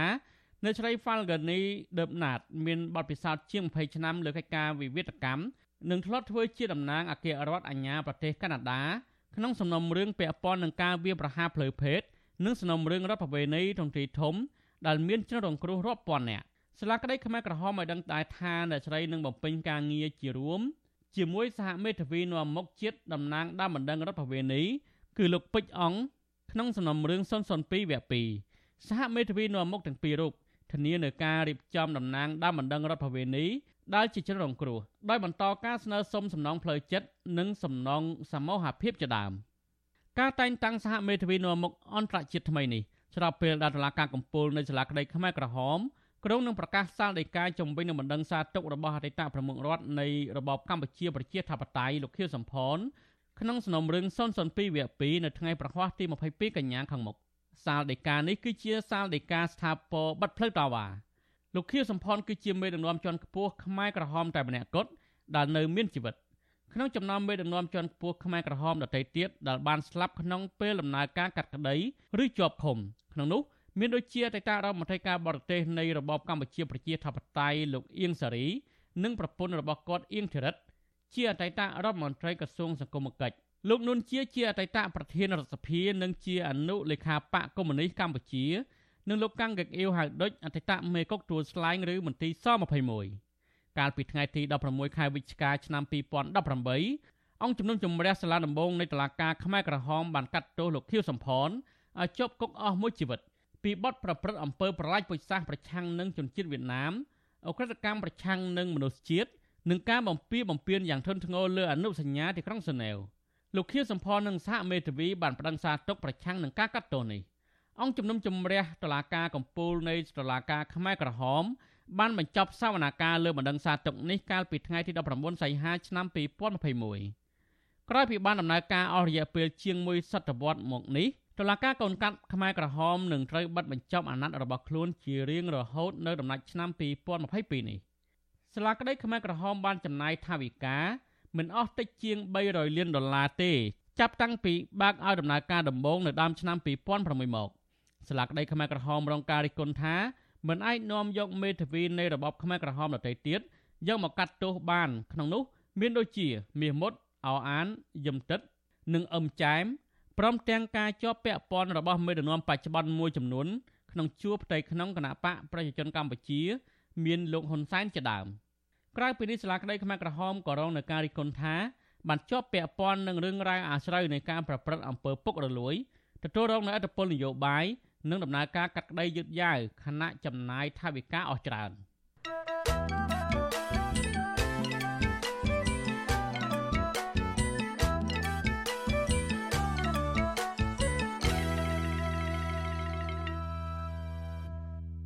បានលោកនាយទីមិត្តរីតទៅនឹងវិវាទការងារនៅរោងចក្រកាត់ដេរវិញកម្មកររោងចក្រកាត់ដេរ Catherine Imperial ជាង60នាក់កាលពីព្រឹកថ្ងៃទី15សីហា បាននាំគ្នាមកតាមញត្តិដែលបានដាក់នៅខុទ្ទកាល័យលោកនាយករដ្ឋមន្ត្រីហ៊ុនសែនកាលពីជាងមួយខែមុនដើម្បីសុំជួយអន្តរាគមន៍ករណីថាការរត់ចោលពួកគាត់ដោយមិនបានបាក់ប្រាក់ឈ្នួលជូនមន្ត្រីសង្គមស៊ីវិលជំរុញឲ្យអាជ្ញាធរពាក់ព័ន្ធឲ្យពន្យាការដោះស្រាយដើម្បីបង្ការកុំឲ្យមានផលប៉ះពាល់ធំជាងនេះ បាទប្រធានាធិបតីវ៉ាស៊ីនតោនលោកមានរិទ្ធរាយការណ៍ព័ត៌មាននេះក្រុមកម្មកររោងចក្រកាត់ដេរ Kentron Apparel Cambodia ប្រមាណជាង100នាក់កំពុងជួបការលំបាកនៅក្នុងការរស់នៅ បន្ទាប់ពីបាត់បង់ការងារធ្វើអស់រយៈពេលជាង3ខែមកនេះពួកគាត់ស្នើឲ្យលោកនាយរដ្ឋមន្ត្រីដោះស្រាយបញ្ហាដែលថៅកែរោងចក្ររត់ចោលបុគ្គលិកបន្ទាប់ពីបានដាក់ញត្តិសុំអន្តរាគមន៍នៅខុទ្ទកាល័យលោកហ៊ុនសែនកាលពីថ្ងៃទី22ខែមិថុនាកន្លងទៅ កម្មការនីម្នាក់នៃរោងចក្រកាត់ដេរ Kenteran Apparel កញ្ញាទូចថាវីប្រាវិសុយស៊ីស្រីនៅថ្ងៃទី15ខែសីហាថាមកទល់នឹងថ្ងៃនេះកញ្ញានៅមិនទាន់ឃើញដំណោះស្រាយឬការឆ្លើយតបណាមួយចេញពីខុទ្ទកាល័យលោកនាយរដ្ឋមន្ត្រីហ៊ុនសែននៅឡើយទេកញ្ញាបន្តថាបន្ទាប់ពីបាត់បង់ការងារធ្វើនៅក្នុងរោងចក្រជាង3ខែមកនេះជីវភាពរបស់កញ្ញាក៏ដូចជាកម្មករផ្សេងទៀត កំពុងជួបនឹងការលំបាកខ្លាំងដោយសារតែគ្មានប្រាក់កាសចំណាយនៅក្នុងជីវភាពប្រចាំថ្ងៃដោយត្រូវប្រឈមទៅនឹងការបាត់បង់ទីលំនៅ និងកង្វះម្ហូបអាហារជាដើមកញ្ញាបន្តថាការដាក់ញត្តិកាន់ខុទ្ទកាល័យនាយករដ្ឋមន្ត្រីនេះគឺដើម្បីស្នើឲ្យរដ្ឋាភិបាល ជួយរកដំណោះស្រាយឲ្យកម្មករទាំងអស់ស្របទៅតាមច្បាប់ស្តីពីការងាររួមមានដូចជាការបើកប្រាក់ឈ្នួលនិងការទូទាត់ប្រាក់អត្ថប្រយោជន៍ផ្សេងៗដើម្បីឲ្យកម្មករអាចបន្តជីវភាពនៅក្នុងការរស់នៅទម្រាំអាចស្វែងរកការងារផ្សេងទៀតបានធ្វើ ខ្ញុំមកនេះមកតម្រើសចុងក្រោយនេះសង្ឃឹមក្តីសង្ឃឹមផ្ញើនៅនឹងទាំងអស់នេះហើយដល់លើកហ្នឹងមកទឿនឲ្យញ៉ាត់ហ្នឹងវាលឿនបន្តិចព្រោះពួកខ្ញុំហ្នឹងចង់អស់កម្លាំងស៊ូហើយដាច់បាយដាច់អីលាន់ហើយបើ3ខែហើយមិនទាន់មានដំណោះស្រាយអីចេញផងកាន់តែយូរទៅយូរទៅពួកខ្ញុំមកហ្នឹងដើម្បីឲ្យការដោះស្រាយហ្នឹងឲ្យវាលឿនបន្តិចព្រោះពួកខ្ញុំហ្នឹងវេទនាណាកាលពីខែមេសាម្ចាស់រោងចក្រ Kenteran Apparel បានលួចដឹកសម្ភារៈពីក្នុងរោងចក្រដោយស្ងាត់ស្ងាត់ក៏ប៉ុន្តែក្រុមកម្មករបានដឹងនិងបានលើកគ្នាមកដេកយាមនៅខាងមុខរោងចក្រនោះអស់រយៈពេលជាង2ខែទូយ៉ាងនេះក្តីក្រុមកម្មករនៅមិនទាន់ទទួលបានដំណោះស្រាយឬចំណាត់ការជាក់លាក់ណាមួយទៅលើម្ចាស់រោងចក្រនេះពីសំណាក់រដ្ឋបាលខណ្ឌពោធិ៍សែនជ័យនិងក្រសួងពាក់ព័ន្ធនៅឡើយទេបើទោះបីជាពួកគាត់ធ្លាប់ដាក់ញត្តិ ទៅក្រសួងកាងារកាលពីថ្ងៃទី23ខែឧសភា ម្ដងរួចមកហើយក៏ដោយប្រធានសហជីពចលនាកម្មករប្រចាំរោងចក្រ Kenteran Apparel លោកស្រីសាន់សុផាឲ្យដឹងថាមកទល់ពេលនេះខុទ្ទកាល័យនាយករដ្ឋមន្ត្រីពុំទាន់មានដំណោះស្រាយណាមួយនៅឡើយនោះទេ ក្រៅតែពីមន្ត្រីនៅទីនោះហៅតំណាងកម្មករទៅជួបដើម្បីនិយាយពីនីតិវិធីផ្សេងៗតែប៉ុណ្ណោះ លោកស្រីបន្តថាកម្មតាមដានញត្តិនៅថ្ងៃច័ន្ទនេះគឺដើម្បីជំរុញឲ្យរដ្ឋាភិបាលដោះស្រាយបញ្ហាឲ្យពួកគាត់ដោយសារតែខុទ្ទកាល័យនាយករដ្ឋមន្ត្រី គឺជាជំរើសចុងក្រោយរបស់ពួកគាត់រីឯក្រសួងកាងារនិងស្ថាប័នតុលាការហាក់មិនមានដំណោះស្រាយណាមួយសមស្របសម្រាប់ពួកគាត់នោះទេ ក្រៅតែពីការចេញលិខិតច្រានចោលនៅរាល់ការលើកឡើងរបស់ពួកគាត់ លោកស្រីរំពឹងថាញត្តិដែលបានដាក់ទៅលោកហ៊ុនសែននេះនឹងឆាប់មានដំណោះស្រាយសម្រាប់ពួកគាត់ត្បិតក្រុមកម្មការទាំងអស់លែងមានជំនឿចិត្តជាមួយអាជ្ញាធរមូលដ្ឋាន និងក្រសួងកាងារតទៅទៀតហើយ អញ្ចឹងហើយខ្ញុំគ្មានអ្វីក្រៅពីមកពុទ្ធកាល័យឬដូចជាសម្ដេចទេឲ្យគាត់ជួយអន្តរាគមមើលរឿងហ្នឹងអញ្ចឹងខ្ញុំថាដោយសារតែខ្ញុំដើរច្រកវាច្រើនណាស់ហើយ3ខែជាងហើយអញ្ចឹងទេបានតែខ្ញុំអត់ចម្លាយទេខ្ញុំត្រូវតែអស់កន្លែងទៅមានតែកន្លែងគាត់ហ្នឹងទេចុងក្រោយជំរឿសចុងក្រោយរបស់ខ្ញុំពួកខ្ញុំដើរគ្រប់កន្លែងអស់ហើយអញ្ចឹងណា តាក់ទងនឹងបញ្ហានេះ Visual C ស្រីនៅពុំទាន់អាចតាក់ទងមន្ត្រីខុទ្ទកាល័យលោកនាយរដ្ឋមន្ត្រីហ៊ុនសែនលោកគង់ចម្រើន និងអ្នកនាំពាក្យក្រសួងកាងារលោកហេងសួរដើម្បីសុំការបំភ្លឺអំពីករណីនេះបាននៅឡើយទេនៅថ្ងៃទី15ខែសីហាកាលពីចុងខែមេសាភាគីនយោជកនៃរោងចក្រ Kenteran Apparel Cambodia ប្រមាណជាង10នាក់បានលាឈប់ពីការងារនិងបិទទ្វាររោងចក្រទាំងមិនទាន់ដោះស្រាយបញ្ហាប្រាក់ឈ្នួលជូនកម្មករនៅឡើយនោះ បន្ទាប់មក គេឃើញមានការប្រមូលសម្ភារៈពីរោងចក្រ Kenteran ចូលទៅរោងចក្រមួយទៀតដែលមានឈ្មោះថាក្រុមហ៊ុន Quality Textile ស្ថិតនៅក្នុងសង្កាត់ទួលពងររាជធានីភ្នំពេញក្រុមកម្មករអះអាងថារោងចក្រទាំងពីរនេះមានថៅកែគ្រប់គ្រងតែមួយជាជនជាតិម៉ាឡេស៊ីក៏ប៉ុន្តែការលើកឡើងនេះត្រូវបានក្រសួងកាងារនិងមេធាវីរបស់ក្រុមហ៊ុនច្រានចោលថាមិនមែនជាការពិតនោះទេជុំវិញរឿងនេះ ប្រធានសមាគមការពារសិទ្ធិមនុស្សអាត់ហុកលោកនីសុខា មានប្រសាសន៍ថាការដាក់ញត្តិរបស់ក្រុមកម្មការគឺដើម្បីស្វែងរកកិច្ចអន្តរាគមន៍ពីរដ្ឋាភិបាល ហើយជាការបង្ហាញនៃការប្រើប្រាស់សិទ្ធិរបស់ពួកគាត់ធ្វើការទៀមទាស្វែងរកនៅយុត្តិធម៌នៅក្នុងប្រទេសប្រជាធិបតេយ្យលោកបន្តថាដូច្នេះក្នុងនាមជាអាជ្ញាធរនិងក្រសួងពាក់ព័ន្ធដែលមានតួនាទីសម្រាប់នៅក្នុងរឿងនេះ គួរតែពន្លឿនការងាររបស់ខ្លួន ដោះស្រាយបញ្ហារបស់ប្រជាពលរដ្ឋឲ្យបានឆាប់រហ័សនិងប្រកបដោយភាពយុត្តិធម៌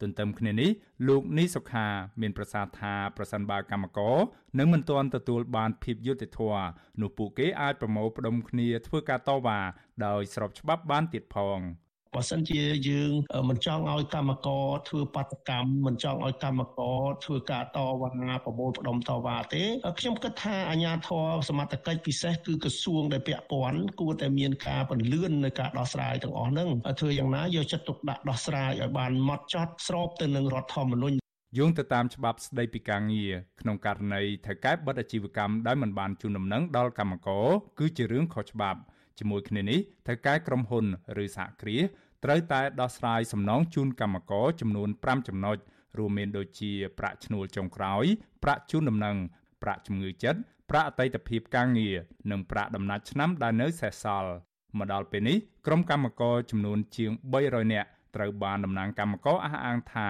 នៅមិនទាន់ទទួលបានការដោះស្រាយពីក្រុមហ៊ុនមួយនេះនៅឡើយទេ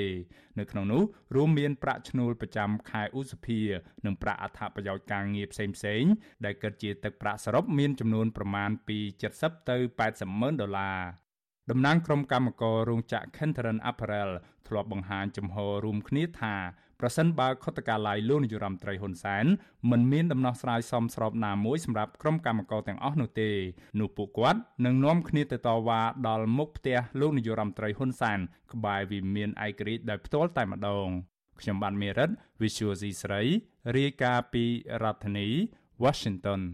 បាទលោកនាយកទីមេត្រីនៅឯខេត្តមណ្ឌលគិរីឯនេះវិញប្រជាសហគមន៍ការពារប្រៃឈើខេត្តមណ្ឌលគិរីចោទនាយកដែនចម្រុះសត្វព្រៃភ្នំព្រិចថា បានបណ្ដាលបណ្ដោយឲ្យមានសកម្មភាពកាប់ឈើខុសច្បាប់ទ្រង់ទ្រាយធំក្នុងដែនសមត្ថកិច្ចរបស់ខ្លួន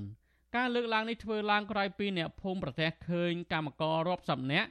បានបោះតង់សំងំកាប់ឈើធំធំបន្សល់ទុកចុងក្រោយក្នុងដែនអភិរក្សនេះសាជាថ្មីទៀតបាទប្រធានាធិបតីវ៉ាស៊ីនតោនលោកសនច័ន្ទរដ្ឋារាយការណ៍ព័ត៌មាននេះប្រជាសហគមន៍ភូមិពុញ្ញាឃុំមេម៉ងស្រុកកៅសមា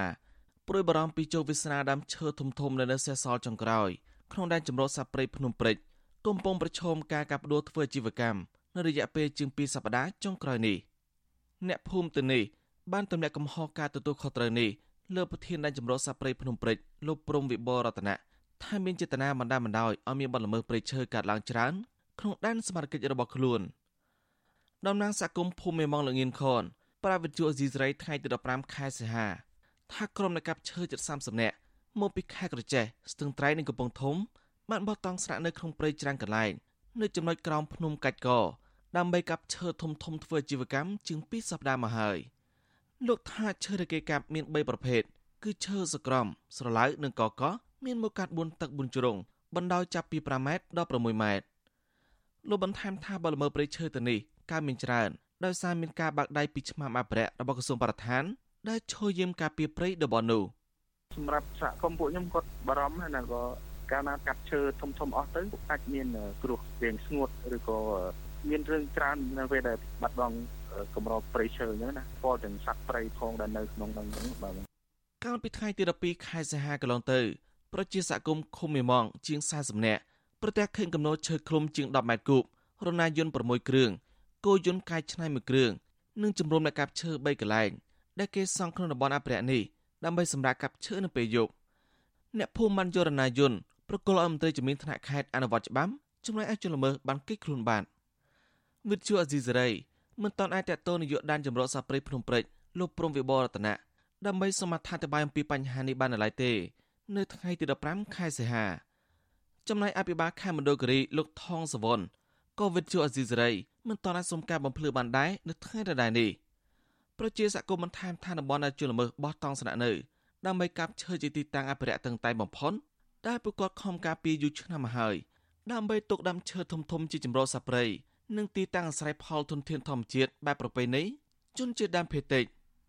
ទីប្រឹក្សាបណ្ដាញជនជាតិដើមភាគតិចភ្នងលោកគ្រឿងដុល្លារសង្កេតឃើញថាប្រធាននៃចម្រុះសាព្រៃភ្នំព្រៃរំនេះធ្លាប់មានរឿងអាស្រ័យច្រើនបណ្ដាបណ្ដាមានសកម្មភាពកាប់បំផ្លាញព្រៃឈើក្នុងតំបន់អកគ្រប់គ្រងព្រោះតែផលប្រយោជន៍ លោកបារម្ភថាការកាប់បំផ្លាញព្រៃឈើទៅនេះ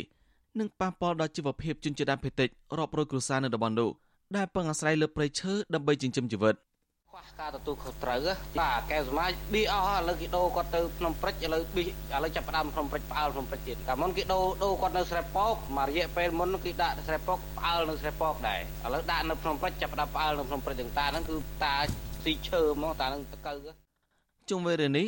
មន្ត្រីពង្រឹងសិទ្ធិអំណាចសហគមន៍មូលដ្ឋាននៃសមាគមអាត60លោកប៉ែមណាថ្លែងថាប្រៃឈើនឹងហិនហើយទាំងអស់ប្រសិនបើឆ្មាំអភិរក្សរបស់ក្រសួងបរិស្ថានគ្មានភាពស្មោះត្រង់ក្នុងការបំពេញទូនាទីអនុវត្តច្បាប់ព្រៃឈើត្រឹមត្រូវស្របតាមច្បាប់ទេលោកបន្តថាបរិវត្តនឹងអស់ជំនឿលើរដ្ឋាភិបាលនៅក្នុងការអនុវត្តគោលនយោបាយអភិរក្សធនធានធម្មជាតិ មានមន្ត្រីច្រើនណាស់មិនមែនតែគាត់មួយទេបាទមានច្រើនណាស់ដែលធ្វើតែប្រព្រឹត្តបទល្មើសពាក់ព័ន្ធជាមួយបទល្មើសបណ្ដាលបណ្ដោយទាំងអស់ហ្នឹងមិនត្រូវបានមានការចាត់វិធានការទៅតាមផ្លូវច្បាប់ទោះបីមានមិនដឹងទោះបីជាផ្សព្វផ្សាយមិនក៏ដោយគឺថារួចខ្លួនរហូតបាទគាត់ថាដូរពីនេះទៅនោះដូរពីនេះទៅនោះនៅតែកន្លែងកន្លែងកន្លែងដែលល្មើសខ្លាចជាតបសម្បត្តិដែរកាលពីឆ្នាំ2019ដំណាងសហគមន៍ការពារព្រៃឈើភូមិមណ្ឌលកលឹងនៅស្រុកកៅសមា បានដាក់ពាក្យប្តឹងលោកព្រំវិបររតនៈទៅតុលាការខេមរៈគិរីពីបបបណ្ដាបណ្ដោយឲ្យមានសកម្មភាពកាត់ទន្ទ្រានព្រៃអភិរក្សអស់ច្រើនហិតានិងបបបន្ទប់ស្កាត់បលមើព្រៃឈើក្នុងដែនសមត្ថកិច្ចរបស់ខ្លួនប្រជាសកម្មថាមតលពេលនេះសំណុំរឿងនេះត្រូវបានតុលាការតម្កល់ឥតចាត់ការដែនចម្រុះសត្វព្រៃភ្នំព្រិចមានផ្ទៃដីទំហំ20000ហិកតាទទួលស្គាល់ដោយប្រជាក្រិតកាលពីឆ្នាំ1993ស្ថិតនៅចន្លោះដែនចម្រុះសត្វព្រៃស្រែពកនិងដែនចម្រុះសត្វព្រៃកៅសមា ក្នុងស្រុកកៅសមាខេមរៈគិរីក្រសួងប្រធានចាត់ទុកតំបន់អភិរក្សនេះថាជាបណ្ដុំសត្វព្រៃកម្រឬនៅដែលមានរុក្ខជាតិកម្រច្រើនប្រភេទផ្ដល់ផលប្រយោជន៍ផ្នែកវប្បធម៌និងសេដ្ឋកិច្ចត្រួតត្រងជីវភាពជនជាតិដើមភាគតិចរាប់ពាន់គ្រួសារនៅតំបន់នោះខ្ញុំសនចាររថាវិទ្យុអេស៊ីសេរីរាយការណ៍ពីរដ្ឋធានីវ៉ាស៊ីនតោនបាទលោកនាងជាទីមេត្រីការផ្សាយរយៈពេល1ម៉ោងនៃវិទ្យុអាស៊ីសេរីជាភាសាខ្មែរនៅពេលនេះចប់តែប៉ុណ្ណេះ យើងខ្ញុំសូមជូនពរដល់លោកនាងព្រមទាំងក្រុមគ្រួសារទាំងអស់ឲ្យជួបប្រកបតែនឹងសេចក្តីសុខចម្រើនរុងរឿងកុំបីឃ្លៀងឃ្លាតឡើយខ្ញុំបាទទីនសាករិយាព្រមទាំងក្រុមការងារទាំងអស់នៃវិទ្យុអាស៊ីសេរីសូមអរគុណនិងសូមជម្រាបលា